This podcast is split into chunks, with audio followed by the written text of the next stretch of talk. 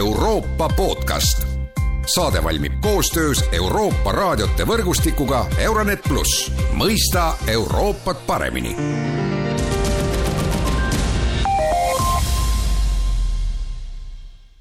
tere päevast ja tere kuulama Euroopa podcasti.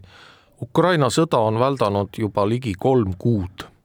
Ukraina president Volodõmõr Zelenskõi väitel olevat tema Prantsusmaa ametivend Emmanuel Macron välja pakkunud, et relvarahu saamiseks võiks Ukraina loovutada Venemaale mingit territooriume.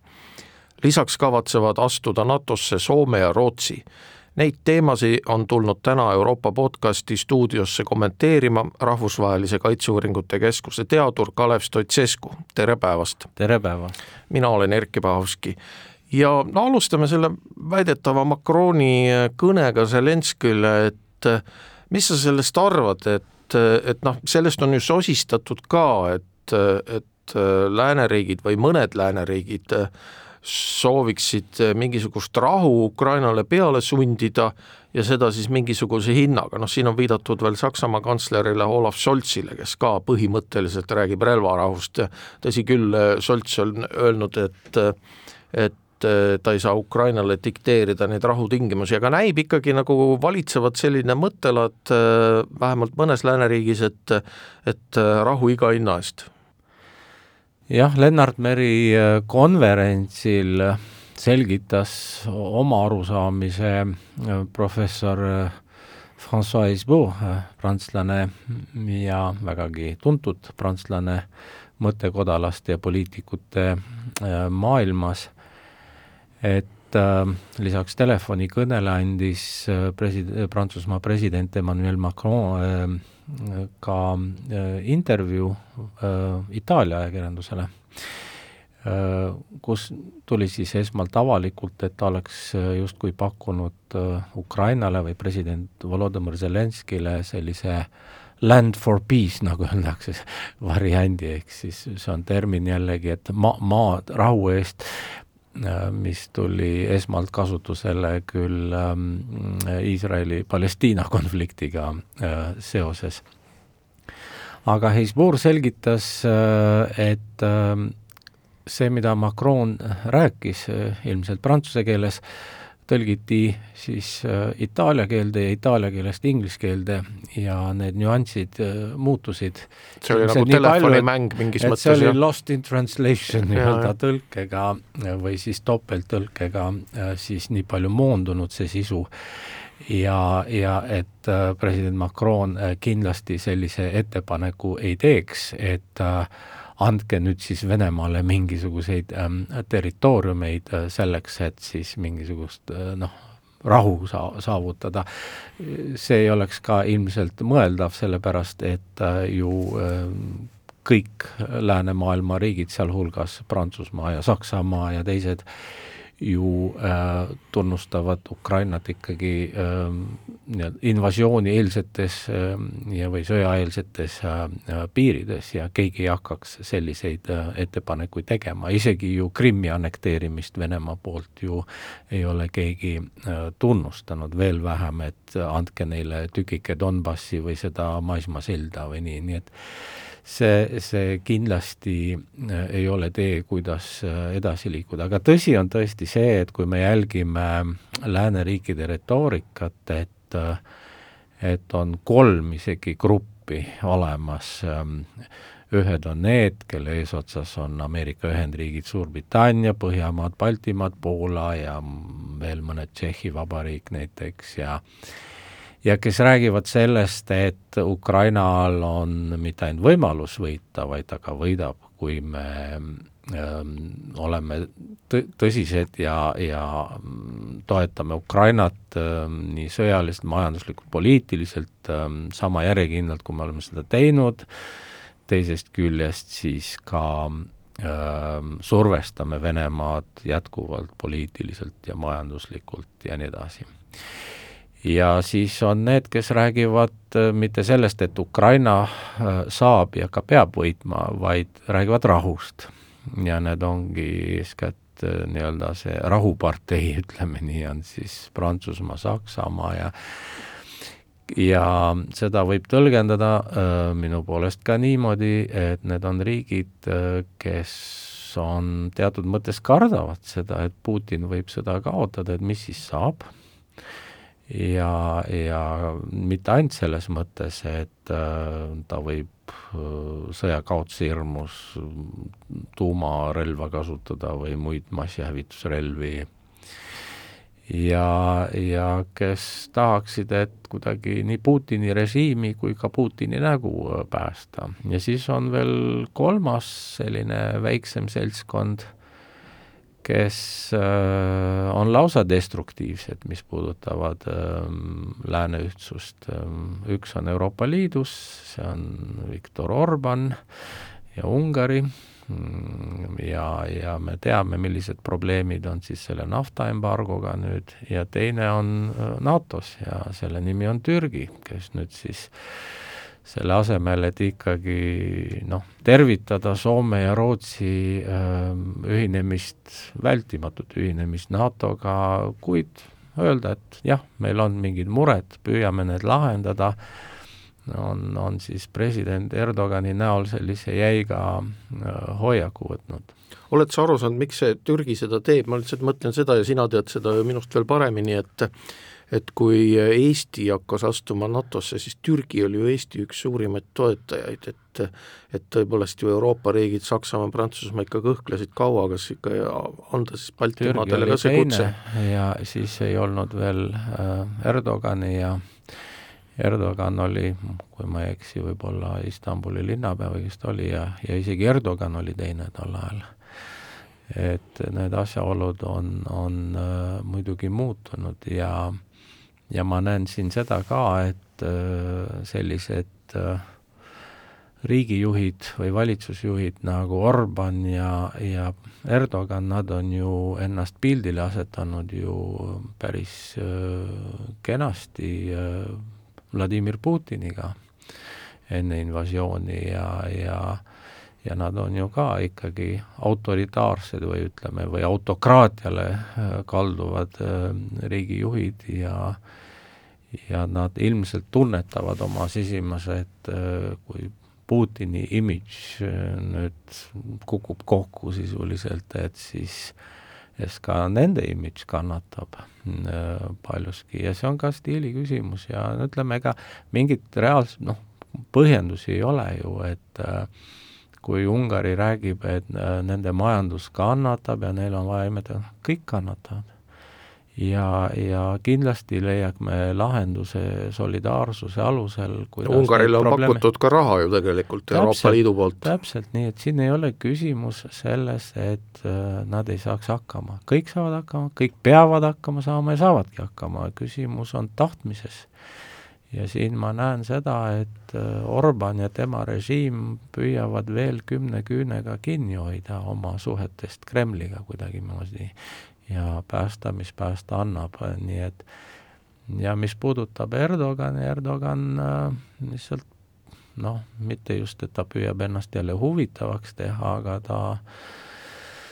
ta tahab jah, märku anda, et, et Türgi on ka oluline ja ilmselt see koer on maetud ka mujal, mitte ainult Ähm, ähm, selle nii-öelda kurdi küsimustes, mis puudutavad Rootsit ja, ja nii, vaid äh, vaadake, mis toimub ka gaasitransiidiga nüüd ja ja, ja Balkani poolsaare äh, gaasiga varustamisena, kõik see Turk Stream, mis äh, koostöös Venemaaga noh, tõotas anda Türgile väga suure mõjuvõimu. Äh, Äh, siis nüüd on nii, et ähm, tuleb välja, et Kreeka saab olema hoopiski tulevikus peamine gaasiga varustaja äh, Balkani poolsaarel. Ja, ja siis sellel üritusel, mida äh, korraldas äh, Kreeka peaminister Mitsotakis äh, Kreeka sadamas, mille nimi mul meelde ei tule kahjuks, kus siis see suur LNG terminal saab olema sinna läks äh, isegi Serbia president äh, Vučić, äh, Orbanit seal küll ei olnud, nii et et siin see pilt on kirjum ja, ja eks häirib Erdogani ka see, kui suurt tähelepanu USA nüüd Kreekale pöörab. ka Kreeka peaminister on nüüd Valges Majas visiidil olnud ähm, eile-täna, nii et et see pilt on veidi laiem ja kirjum, jah üks tähelepanuväärsemaid momente Lennart Meri konverentsil ja ma ei olnud tervel konverentsil, aga minu jaoks kindlasti oli siis peaminister Kaja Kallase esinemine reedel. ja, ja noh, see oli selles mõttes huvitav, et kui tavaliselt konverentsil on noh, küllalt palju samameelseid inimesi, kõik noogutavad kaasa ja ütlevad jah, jah, siis seal tekkis moment, kus Kaja Kallas hakkas vaidlema ja see seisnes siis selles, kus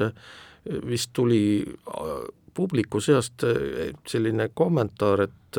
Vladimir Putiniga peaks ikkagi rääkima ja siis kõik hakkasid juba nõustuma, siis Kaja Kallas ütles, et ei, ei pea rääkima. Et tema jaoks on täiesti arusaamatu, miks eh, Putiniga räägitakse, et ta on sõjakurjategija, noh, ta on tegelikult seda ka öelnud varem Soome ajakirjandusele ja nii edasi. Aga see tekitab sellise huvitava diplomaatilise küsimuse, et, et noh, Macron ju räägib Putiniga jätkuvalt, ta on nii-öelda sarirääkija, noh, me võime aru saada, miks praegu Soome sarihelistaja, sarihelistaja, jah,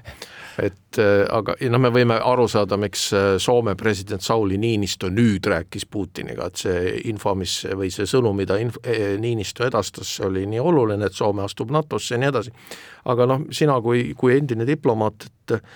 kas sa tajud siin ka mingit diplomaatilist pinget, et, et Kaja Kallas ei taha rääkida üldse Putiniga ja Macron jälle tahab rääkida Putiniga, aga nii, nii Prantsusmaa kui ka Eesti, me oleme ju kõik nii NATO-s kui Euroopa Liidus ja Venemaale peaks olema ikkagi selline ühine lähenemine? peaks olema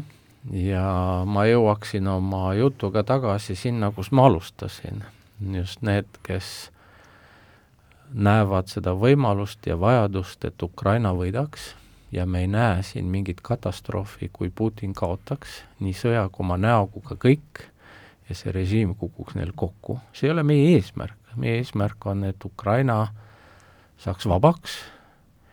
ja Ukraina tegelikult on juba kindlustanud oma iseseisvuse, ta jääb püsima, see on selge. mis piirides, eks ole näha. ja, aga teiselt poolt on siis Macron ja mõni veel, kes kes ikka veel nagu telefonisõltlased helistavad Putinile, teades tegelikult juba ette, et miski ei muutu tegelikult.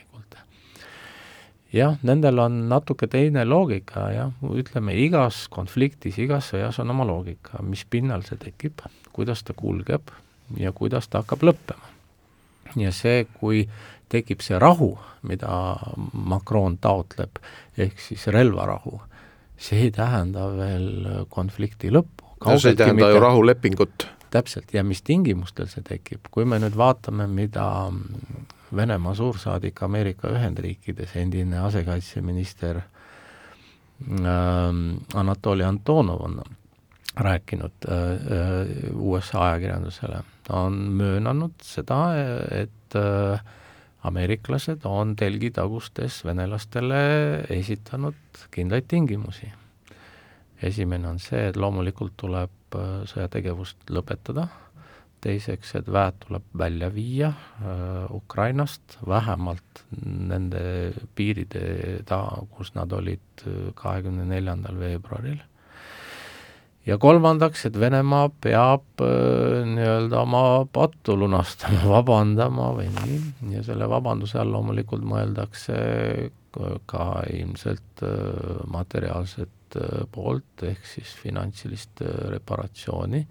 mina lisaksin siia juurde loomulikult ka vastutust nende sõjakuritegude ja, ja, ja inimsuse vastaste kuritegude või kuidas nimetada, nii et, et siin peab Venemaa igal juhul kandma nii materiaalset kui juriidilist vastutust. ja siin on selge, et selles mängus, mis nüüd on hakanud välja kujunema, kus ka Venemaa retoorika on muutunud, olgem ausad, kui äh, Venemaa suursaadik Ameerika Ühendriikides räägib sellist juttu ja siis vaatame seda Putini kõnet üheksandal mail, mis oli üpris selline haletsusväärne tegelikult. seda, mida ta rääkis äh, eile siis selle Taškendi lepinguorganisatsiooni äh, kohtumisel Moskvas, ei ole olemas niisugust asja enam, et nad tahaks, räägiksid oma võidust ja mis tingimused nad siin dikteerivad ja, ja ja nii edasi, nii et ähm, pigem nad püüavad õigustada ennast, et miks nad olid sunnitud seda noh, agressiooni alustama ja nii edasi. ja Antonov küll ütles, et Venemaa ei, ei, kunagi ei nõustu kapitulatsiooniga, me ei nõuagi mingit kapitulatsiooni, meil on lihtsalt mingid tingimused, mida nad peavad täitma. kui nad ise nimetavad seda kapitulatsiooniks, siis palun väga meil ei ole seda vaja, mingisugust Venemaa tingimusteta kapitulatsiooni, vaid on vaja taastada Ukraina suveräänsust, territoriaalset terviklikkust ja Venemaa peab oma kuriteost maksma, see ongi kõik. ja, ja noh, see on selge muidugi, et Venemaa või Putin ei ole eales nõu äh, hakkama ise rahu paluma. Et lõpetame sõjalise tegevuse ära, see, see näitaks nõrkust, see näitaks seda, et nad äh, juba tunnistavad, nad on kaotuskursil ja on ka selge, et teiselt poolt Ukraina ei hakka rahu paluma enam. Nad palusid äh, konflikt või selle invasiooni esimestel nädalatel, et lõpetage ära, lõpetage ära, nad ei lõpetanud. nüüd Ukraina seda enam ei palu. ja miks? sellepärast, et Ukrainal on tekkinud lootus ja väga õigustatud lootus. venelased on pidanud taanduma Kiievi alt, nüüd taanduvad Harkivi alt ja Ukraina püüab tagasi võtta ja vabastada nii palju oma territooriumist, kui see nüüd osutub võimalikuks. venelaste suur pealetung Donbassis kukkus läbi, see on loomulikult õigustatud ja nad tahavad edasi sõdida ja vabastada oma maad nii palju, kui see neil õnnestub. Ja mina ütleksin siinjuures, et Lääs peaks an-, mõtlema tõsiselt eriti Ameerika Ühendriigid ja Suurbritannia andmaks Ukrainale veel paremaid relvi ja veel suurema laskeulatusega. mina hakkasin mõtlema, et, et see ristleja Moskva uputamine Mustal merel ei olnud selline noh, ta oli sümboolselt väga oluline, see oli valus löök Venemaale, aga ta ei olnud selline pöördehetk, et et üks või teine objekt on veel olemas, mida Ukra-, mis asuvad tegelikult Ukraina, Venemaa poolt okupeeritud aladel. üks on, mõlemad on Krimmis, üks on Sova-, Sevastopoli mereväebaas ja teine on siis see Putini sild seal, räägime näiteks sellest Kertši poolsest osast. Kui Ukraina suudaks neid äh, rünnata ja kahjustada siis ta ei ründaks ju Venemaad rahvusvahelise õiguse mõttes, vaid Venemaa poolt äh, hallatavaid objekte nende poolt okupeeritud territooriumitel ja, ja, ja see sümboolne ja strateegiline mõju oleks väga suur. jaa, aga nüüd Soome ja Rootsi NATO-s, et äh, tegelikult ju päris suur muudatus julgeoleku mõttes, noh, mitte siis ainult julgeoleku mõttes ka, vaid ka ikkagi nagu nende riikide mõttelaadis, et ja edasi, kuidas sa siis näed seda Läänemere julgeolekut pärast seda, kui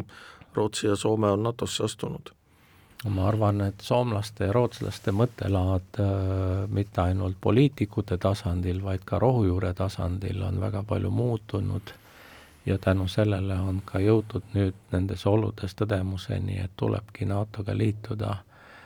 nad ei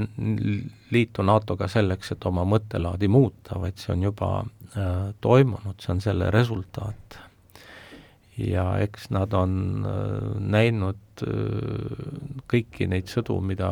Putin on pidanud ja kui agressiivselt ta naabritega on käitunud ning arvestanud loomulikult ka sellega, et kui Läänemere või Põhjala piirkonnas peaks konflikt tekkima, et Venemaa ei pea lugu nende nii-öelda mitteühinemispoliitikast äh, endisest nüüd võiks öelda ja, või, või mittekuulumisest NATO-s. nii et see oli kõigile selge, tehti nägu päris palju aastaid, et äh, et, et see neid nagu justkui ei puuduta ja, ja noh, mõlemad Soome ja Rootsi, kes ühinesid ju koos Austriaga üheksakümne viiendal aastal Euroopa Liiduga, hiljem ju magasid maha tahtlikult mitu NATO laienemise rongi nii-öelda ja, ja aga kuivõrd Putin hakkas seda NATO ust jõuga kinni suruma detsembris eriti, siis kui see ultimaatum esitati NATO-le, Ameerika Ühendriikidele, siis, siis oli selge, et nüüd on see hetk, nüüd tuleb see ära teha. nii et ja seda ju ütles president äh, Sauli Niinistö ju äh, Vladimir Putinile noh, otse telefoni teel, et äh, sisuliselt te surutisite meid sinna NATO-sse ja, ja see on jumala õige aitäh, Kalev Stoicescu nende kommentaaride eest, kuulasite Euroopa podcasti, kõike head ja kuulmiseni!